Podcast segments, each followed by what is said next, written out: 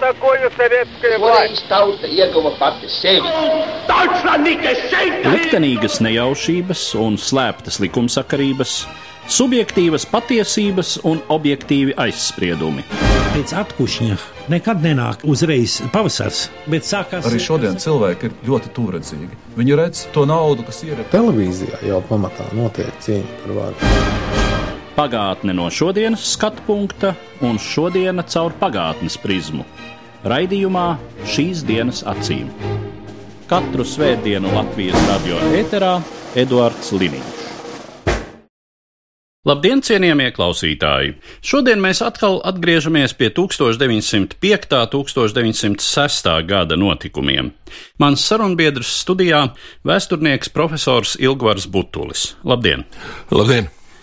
Iepriekšējos raidījumos sarunās ar jūsu kolēģi Līgu Lapu runājām par to, kas notiek Latvijā, un vēsturniece sniedza ļoti daudz interesanta faktu materiāla, bet šodien mēģināsim varbūt mazliet vispārināt to situāciju, kāda tā ir, un ne tikai Latvijā. Tā tad sāksim ar to, kas Krievijā notiek 1905. gada oktobrī, kad tiek pieņemts tā sauktais Oktobra manifests. Kādi ir cara valdības mērķi, nolūki, pieņemot šo Krievijai, es teiktu, ļoti radikālo programmatisko dokumentu? Mērķi ir sekojoši. Revolūcijas augstāko uzplūdu sākums, kas jau ir tieši 1905. gada rudens, neapšaubāmi lika ceram, un ceram tuvām aprindām uz to reaģēt un reaģēt vismaz, es gan teiktu, šķietami radikāli, pasludinot 17. oktobra manifestu. Tātad brīvības manifestu, kur bija formulēts brīvības un arī ar tādu domu, ka būs kaut kāds parlamentam līdzīgs orgāns, ar kuru tiks visas arī šīs valdības iniciatīvas un likumdošana saskaņots, bet tā lielākā pretruna ir tāda, ka Krievijas mērogā jau šis dokuments bija nokavēts, jo cera patvaldība parādīja gluži vienkārši apbrīnojamu talantu nerisināt ļoti būtiskus un svarīgus jautājumus.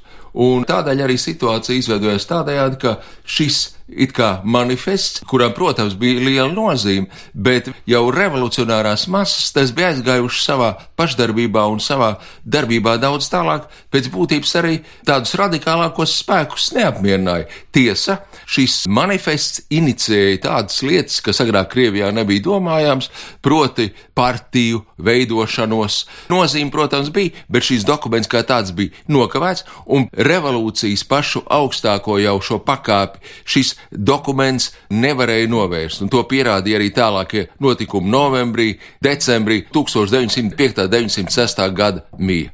Varbūt mēs varētu mazliet pieskarties tam, kāda ir Krievijas sabiedrības politiskās orientācijas struktūra un salīdzinot ar Latvijas situāciju. Jā.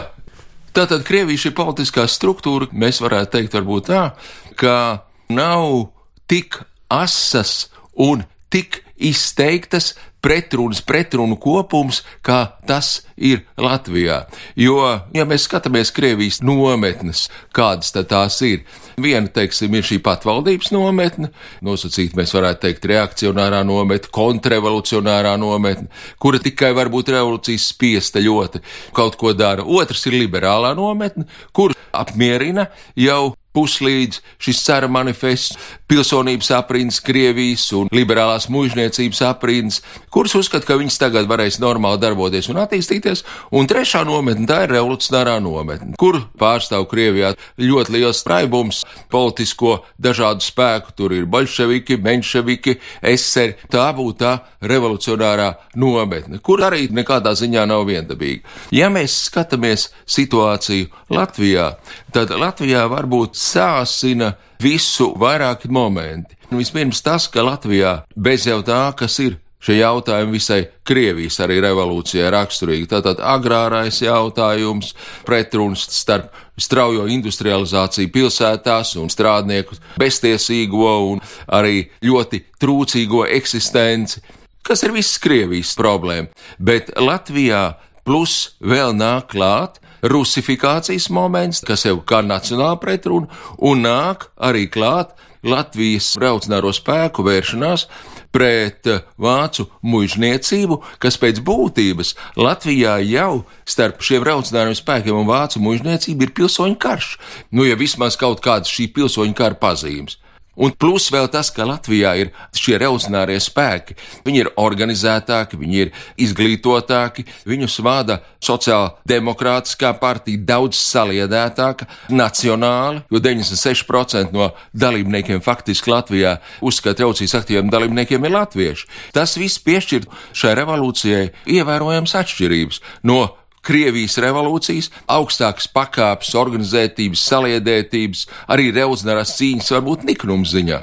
Kādas ir tās revolucionāro notikumu izpausmes formas pārējā Krievijā, atšķirībā atkal jau no Latvijas? Te mēs varētu, protams, arī tās fineses uzskaitīt, bet es domāju, kas ir pati galvenā. Tā ir apzinīga revolucionāra cīņa uz laukiem. Tātad, kā savulaik jau Jansons Brauns teica, pēc revolūcijas, ka 5. gada revolūcijā Latvijā tā vēsturiskā gaita bija nevis barikādas pilsētās, bet kūpošas muīžu drupas uz laukiem. Tātad šī situācija uz laukiem ar bezgalā lielu bezzemnieku skaitu, ar mūžu kalpu skaitu, arī ar izglītības momentiem, tā varbūt būtu pati galvenā viena atšķirība. Otra atšķirība ir tā, ka 5. un 6. gadā revolūcijā Latvijā sociāla demokrātija ir ārkārtīgi liela ietekme un ārkārtīgi liela autoritāte, kas arī šo cīņu padara daudz organizētāku nekā tā ir Krievijā. Tātad tas, ka viņi ir laukos, un tas, ka šī cīņa ir daudz organizētāka. Ja mēs pievēršamies tagad tam, kas notiek Latvijā 1905. gada rudenī, tas arī ir laiks, kad sākas šī masveidīgā mūžu postīšana, dedzināšana.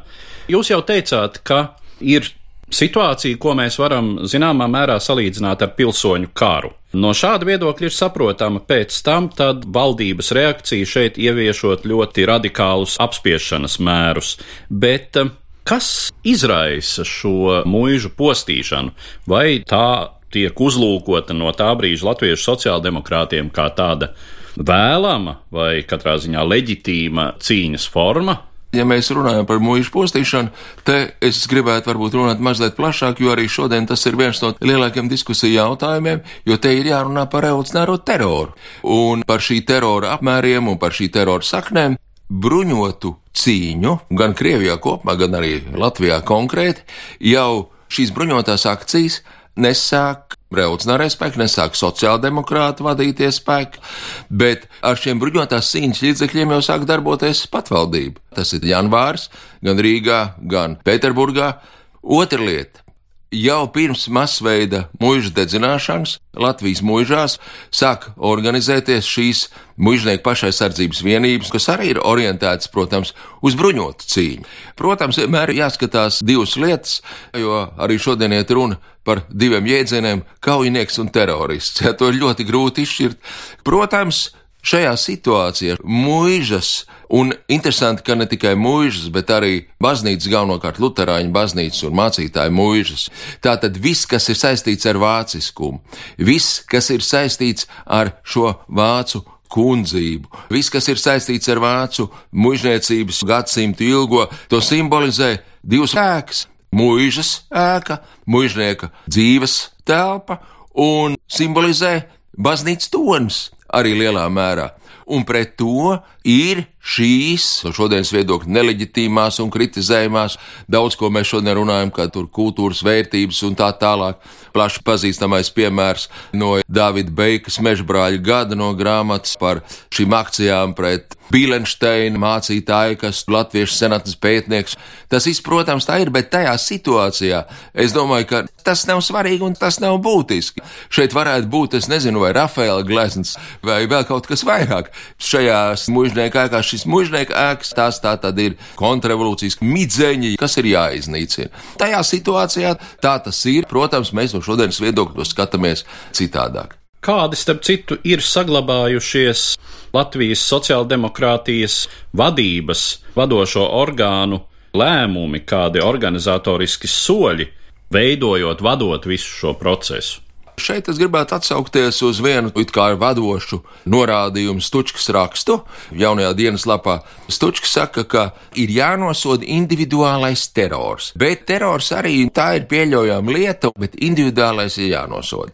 Citiem vārdiem sakot, kas tad pauž individuālo teroru? Individuālo teroru formāli pārstāv SR partija lielā mērā, un tā tad iznāk tā, ja SR šo teroru piekopi, tas ir, protams, slikti. Ja to piekopi, teiksim, sociāldemokrāti, tad tas ir savādāk. Katrā ziņā, protams, sociāldemokrāta vadība Latvijā nevar teikt, ka viņi kurināja un uz Krievijas fona, ka tas ar kaut ko ārkārtīgi citu izcelties. Kāpēc tas tieši Latvijā ir savādāk? Tāpēc, ka Latvijā šie notikumi ir daudz vairāk koncentrētāki, viņi ir blīvāki, un tāpēc tas ir arī uzskatāmāk.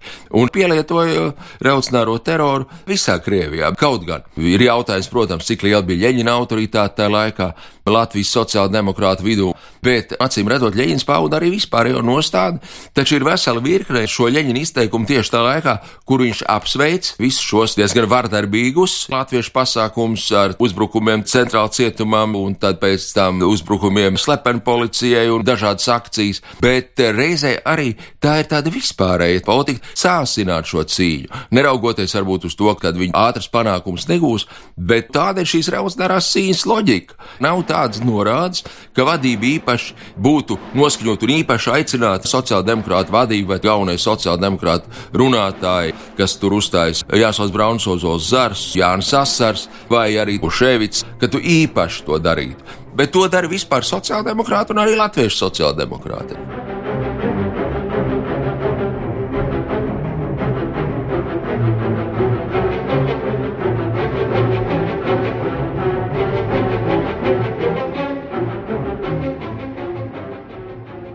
Visaugstais manifests. Mēs, Nikolais II, no dieva žēlastības visas Krievijas imperators un patvaldnieks, Polijas cars, Somijas lielkņas un tā tālāk, un tā tālāk, un tā tālāk, paziņojam visiem saviem uzticamajiem pavalstniekiem. Jukas un nemieri mūsu dižās impērijas galvaspilsētās un daudzos tās apgabalos pilda ar smagām skumjām mūsu sirdi. Krievijas valdnieka labums ir nesaraujami saistīts ar tautas labumu, un tautas bēdas ir arī viņa bēdas. No nemieriem, kas šolaik izcēlušies, var izraisīties dziļa nesaskaņa tautā un drauds mūsu valsts vienībai un veselumam. Cariskās kalpošanas dižais zvērests liek mums visiem saprāta un mūsu varas spēkiem censties drīzāk izbeigt valstī tik bīstamās jukas pavēlējis pienācīgajiem varas orgāniem spērt soļus tiešo nekārtību, miera graušanas un vardarbības izpausmju novēršanai, lai sargātu mierīgos ļaudis, kuri tiecas pēc katram uzliktā pienākuma mierpilnas izpildīšanas, mēs kopējo mūsu iepriekš nosprausto valsts dzīves nomierināšanas pasākumu sekmīgas izpildes labā esam atzinuši par nepieciešamu apvienot augstākās valdības darbību. Valdībai par pienākumu mēs uzliekam šīs mūsu nelokāmās gribas izpildīšanu. Pirmkārt, dāvāt valsts iedzīvotājiem negrozāmus pilsoniskās brīvības pamatus, balstoties patiesā personas neaizskaramībā, sirdsapziņas, vārda, sapulču un biedrošanās brīvībā. Otrkārt, neapturot paredzētās valsts domes vēlēšanas, tūdaļ pat piesaistīt dalībai domē iespēju robežās tās iedzīvotāju šķiras, kurām līdz šim bija pilnīgi liektas vēlēšanu tiesības, ar šo tad nododot tālāko vispārējo vēlēšanu tiesību attīstīšanu jaunveidojamajai likumdošanas kārtībai. Treškārt, iedibināt kā negrozāmu noteikumu to, lai neviens likums nevarētu stāties spēkā bez valsts domes apstiprinājuma, un lai no tautas ievēlētajiem būtu nodrošināta iespēja patiešām piedalīties mūsu iecelto varas orgānu darbības likumības uzraudzīšanā. Mēs aicinām visus uzticamos Krievijas dēlus atcerēties savu pienākumu pret dzimteni līdzēt šo nedzirdēto juku pārtraukšanā un kopā ar mums sasprindzināt visus spēkus miera un klusuma atjaunošanai dzimtajā zemē. Izdots Pēterhofā, oktobra 17. dienā, 1905. gadā kopš Kristus dzimšanas un mūsu valdīšanas 11. gadā. Nikolais.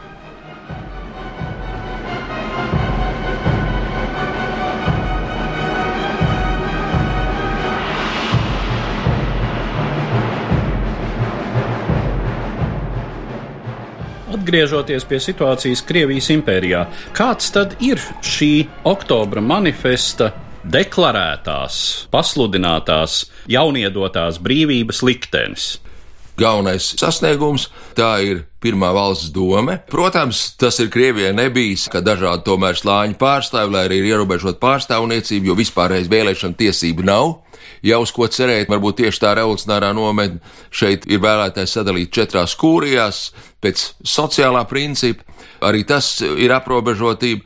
Un vēl ir viena lieta, ko dažkārt pat uh, attiecinot varbūt uz Krieviju, tā skatoties perspektīvā par šodien, saka arī Krievu vēsturnieki, ka tas tagad turpinās līdz Putina laikam, ka, nu labi, ir doma un tā tālāk, bet cers valdnieks stāv pāri visam un parāda jau konkrēti šai 5. un 6. gadā šo patvaldības tikai šķietamo īslaicīgo piekāpšanos, tas, ka jau arī šī pirmā doma ļoti ierobežotā un ārkārtīgi biklā šķiet daudz par radikālu, jau 1906. gadā šī doma tiek atlaista, nu, domnieki pats lielākais, ko viņi atļaujās, 194 no šiem domniekiem publicē tā saukto Viborgas manifestu, tā skaitā arī čakst, pēc tam viņiem aizliedz politisko darbību. Bet no tā, ka doma būs pilnvērtīgs likumdošanas orgāns, tā tas nav. Tas zināmā mērā varbūt ņemot to, ka Krievijā šo demokrātisko tradīciju nav, arī tās domas, kas ir tā kaut kādā veidā ir demokrātijas skola, partijas veidojas. Tas arī ir viens no revolūcijas sasniegumiem. Bet no tā, kas ir cerēts un kas ir arī tur tā skaisti solīts 17. oktobrī, no tā jau nekas neiznāk. Vēl par vienu tā laika Krievijas politiskās realitātes aspektu, kam ir sakars arī ar Latviju. Ar Latviju gan laikam vairāk tādā mīta vai pieņēmumu līmenī, proti, kas ir tā sauktā melnā sotņa, kas ir šī organizācija, par kuras iespējamu iebrukumu, pat varētu teikt, Latvijā ir ļoti lielas bažas 1905. gada otrajā pusē, un galu galā jau realitātē Šeit ierodas, protams, cara soda ekspedīcija, bet ne kaut kas, ko mēs varētu saukt par šodien, mēs teiktu, paramilitāru veidojumu. Nu jā. Jūs pareizi pieminējat, ka par to arī daudz runāja un no tā baidījās, bet tā ir Krievu tautas savienība, reakcionāra organizācija, izteikti tāpēc arī saka melnsimtnieciska, nu, melnais simts, tātad ar klāju patvaldību viennozīmīgi aizstāvošu, ar izteiktu anti-ebreisku ievirzi galvenie lozungi - patvaldība, pareizticība, un Krievijā mēs varam runāt par šiem melnsimtnieku izgājieniem un par ietekmi Krievijas lielākās pilsētās, bet Latvijā īsti nav šiem melnsimtniekiem tās bāzes. Tāpēc, ka ir jau tādi mēģinājumi arī, bet eh, kad mēģina, piemēram, organizēt Maskavas priekšpilsētā ebreju grautiņus, arī tāds it kā šīs eh, soķņas pamats, gan latviešu, gan ebreju sociāldemokrāti, ātri tiek ar to to galā, un nekas no tā neiznāk. Un vēl jāņem vērā arī tas, ka tie krievi, kas ir Rīgā un Latvijā, revolucionāri, tie liela daļa ir bolševiku ietekmē, šai sotņai viņi ir izteikti kontrrevolucionārs spēks, un šeit galvenais pēc būtības, pēc arī visas tās iedzīvotāju struktūras un pēc tā, kā tas notiek, šeit jau ir Krievijas regulārie spēki. Nu, dažreiz literatūrā attiecina dažkārt arī šo melno sotņu, bet tas nav pareizi. Attiecina arī uz regulāro karaspēku. Saka, nu, atnāca melnā sotņa, kazaka, dragūna un tā tālāk. Tie ir kad 18,000. Bet uh, Latvijā tieši šī melnā sotņa, kā paramilitāri, jo Latvijā šīs paramilitārās melnās soņas vietā drīzāk ir šīs vācu mužnieku pašaizsardzības vienības. Tā ir tā Latvijas specifika, jo tās izrēķinās jau sevišķi revolūcijas atplūdu periodā un tur ziņo un uzrāda, un arī pret iedzīvotājiem ļoti asvērš.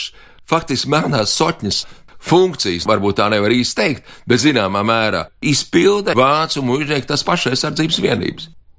Mums ir skaidrs par situāciju kopumā, bet Cik ir zināms par to, kā tad notiek galu galā lēmumu pieņemšana par kara stāvokļa ieviešanu šeit, Baltijā, un attiecīgas soda ekspedīcijas ierašanos, nosūtīšanu šurp? Jau kopš 5. gada vasaras vietējās vācu baronu vācu mužnieku aprīnas bombardē, izmantojot arī to, ka viņi ir arī faktiski daļa no Krievijas elites, izmantojot savas pozīcijas jau Pēterburgā, viņi nepārtraukti bombardē valdību un arī caru visu apkārtni, pašu caru ieskaitot ar to, kad ir jāiejaucās, tā ir neiedzība un tā tālāk, un kas notiek. Par šo cara nostāju es gribētu uzsvērt šo cara aprobežotību gan carismu kopumā, gan īpaši Nikolai, kas izpaudās jau līdz pat 17. gada februārim, kad vienīgo cēloni saskatīt visur turcars, ka visur ir par maz armijas, nevis risināt kaut ko pēc būtības, kā tas politiskam darbiniekam, lai arī patvaldniekam pienāktos. Un cers uzskatīja, un arī tās vēstules, kas līdz šai dienai publicēts, saraksta ar Vilhelmu II, arī uztrauc starp citu, jo tā ir vēršanās it kā pret vāciešiem. Tātad šis pieņēmums jau pakāpeniski, un bez tam mūžu dedzināšana, kas izvērtās, un sevišķi arī tas, kā decembra sākuma, kur zemē šie zemnieku kari talsu, tukuma, aizputs, kas salīdzinoši bija tādas nopietnas militāras akcijas, lai arī nekādas panākumus tur gūt nevarēja, bet tas viss virzīja, protams, uz to, ka sakarā ar šo karstāvokļu izsludināšanu ir Baltijas ģenerāla gubernators. Ir šīs guberņas, bet ir jauns veidojums,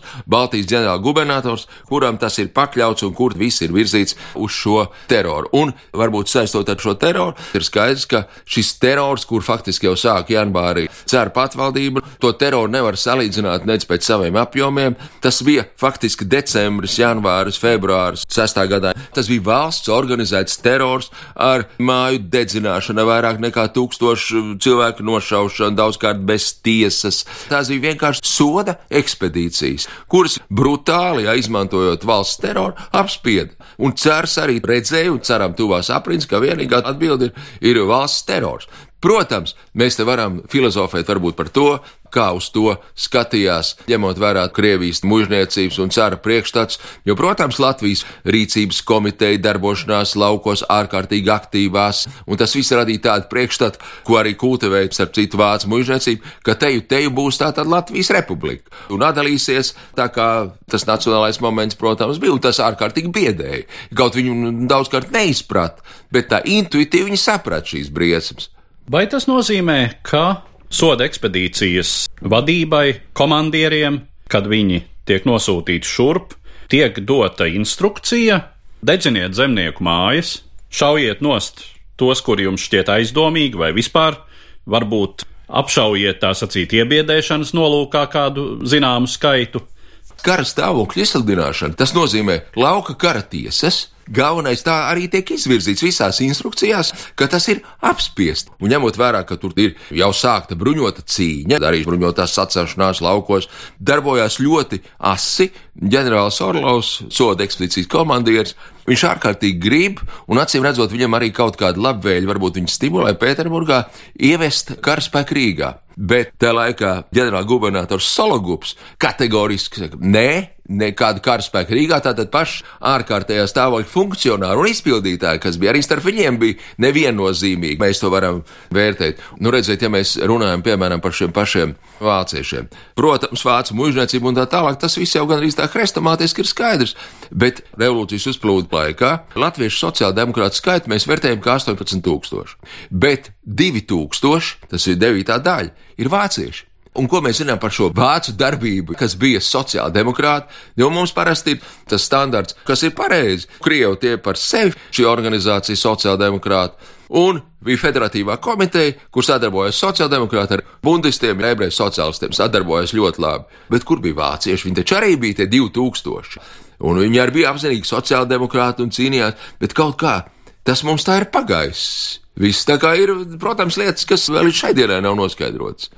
Kāda tad bija sociāldemokrātu reakcija uz šo karstāvokļu ieviešanu, uz soda ekspedīcijas darbību?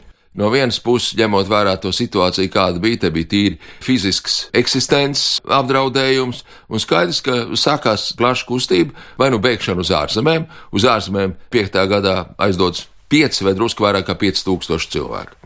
Bet ne visi tika. Un otrs moments, ka bija meža brāļu kustība 906. gadā, kā teica padomu laikā, revolūcija atkāpjas ar kaujām.